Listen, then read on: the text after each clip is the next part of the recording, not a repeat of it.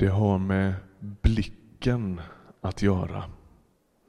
Hur man ser på andra. Gång på gång så står det om Jesus att han ser på människor. Han ser kvinnan.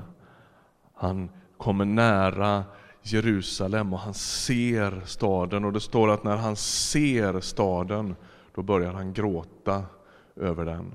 Det är som att det finns något i Jesu blick. Det här dramat slutar, jag vet inte, jag tycker att du ska liksom suga lite på den här sista repliken. Om du stöter på Jesus så kan du väl ta med dig honom hem. Låt oss läsa en bibeltext ifrån Matteus 25 kapitel där det står så här. Ifrån vers 34.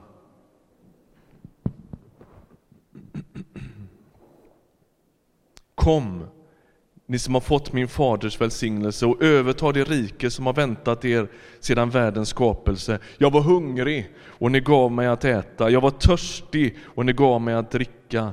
Jag var hemlös och ni tog hand om mig. Jag var naken och ni gav mig kläder. Jag var sjuk och ni såg till mig.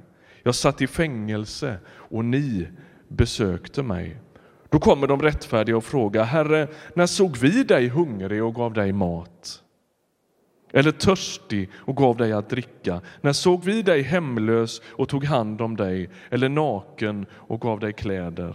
Och när såg vi dig sjuk eller i fängelse och besökte dig? Kungen ska svara dem, sannerligen vad ni har gjort mot någon av dessa mina minsta som är mina bröder, det har ni gjort för mig. På andra ställen i Nya testamentet där ser vi hur Jesus gång efter gång identifierar sig med oss som sitter här, med troende människor. Vi kallas för Kristi kropp. Och när han möter med Paulus som har förföljt de kristna så säger han varför förföljer du mig? Det är som att Jesus på djupet identifierar sig med oss. Men i den här texten där vänds perspektiven. Plötsligt identifierar sig inte Jesus bara med fromma kristna, kyrkmänniskorna utan plötsligt identifierar han sig på djupet med den mest kantstötte. Och det är därför han säger så där. Vad ni har gjort mot en av dessa mina minsta, det har ni gjort mot mig. Jag tänker på det senaste året i Linköping och i alla möjliga städer av vårt snitt i Sverige så har stadsbilden förändrats ganska drastiskt. Plötsligt finns det som inte riktigt har funnits på det sättet på våra gator, nämligen människor som inte har någonting. Plötsligt är det tiggare på gatorna i Linköping. Plötsligt är det människor utan tak över huvudet, utan mat i Linköping. Och då kommer frågan, vad är det man ser när man ser det? Man skulle kunna förfäras över politik. Man skulle kunna förfäras över eh, fördelningsstrategiska eh, insatser som inte har ägt rum i Europa, alltså utsatthet i östra Europa. Det finns en massa olika saker man kan se. Frågan är vad du ser. Är det ett politiskt problem? Är det ett strukturellt problem? Är det ett problem? Eller vad är det för något? Kanske det är så här jag ska fatta mig väldigt kort idag, men jag vill att du ska höra en sak. Kanske det är så här att de här människorna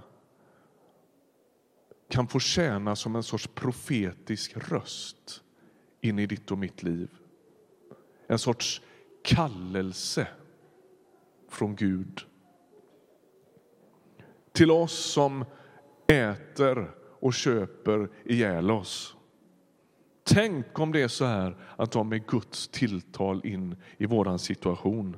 När du möter en EU-immigrant utanför ICA i eftermiddag, för det kommer du att göra, så är frågan, vad du ser, vem är det då du möter? De sista söndagarna har det suttit en östeuropeisk tiggare utanför vår kyrkdörr. Vi avvisar ingen här. Det får aldrig hända. Utan jag tycker att vi skulle fundera över vad det säger till oss och vad det kallar oss till. I jul firar vi Jesus. Vi har hört fantastiskt här under den här gudstjänsten om den Jesus som kliver in i världen. Han gör ju faktiskt det som hemlös. Det första som händer är att han blir flyktingbarn i norra Afrika, Egypten. Och han gör det där för att någonstans signalera att du som sitter här i bänken, du kan känna att Jesus på djupet identifierar sig med din nöd. Han identifierar sig med din smärta. Han finns i din situation. Han lider med dig, han gråter med dig, han sörjer med dig.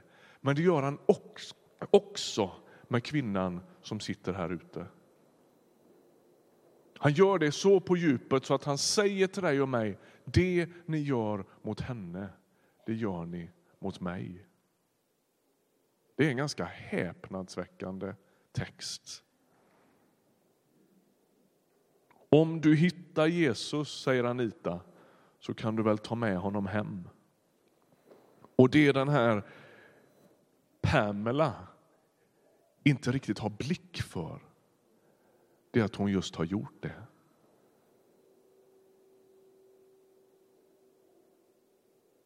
Hon har suttit på samma bänk som honom. Men hon tog inte med honom hem.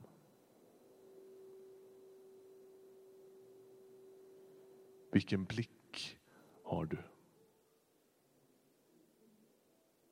Ska vi be? Tack för att du är här. Du som är i Nairobis slum. Du som ställer dig i bredd med barn i utsatthet. Du som ställer dig i bredd med våra kantstötta liv. Du som är barmhärtighetens fader, du som är smärtornas man. Du som inte väjer för våra söliga liv. Tack att du finns där. Tack att du rör dig där. Men Herre, vi vet att du också finns hos Anita Vi vet att du också finns hos människor som inte har något. Och Herre, vi ber att vi skulle få vara din röst. Vi ber att vi skulle få höra din profetiska kallelse rakt in i vår situation. Att vi ska förstå det som händer runt omkring oss som en sorts tilltal ifrån dig. Och vi ber att vi ska respondera på det som du skulle göra. Tack att du identifierar dig både med givaren och med mottagaren. Allt handlar till sist om dig. Vi ber om mod, vi ber om klarsyn, vi ber att du skulle hålla våra hjärtan varma. Tack att du hör oss när vi ber. Ta allt större plats i våra liv. Amen.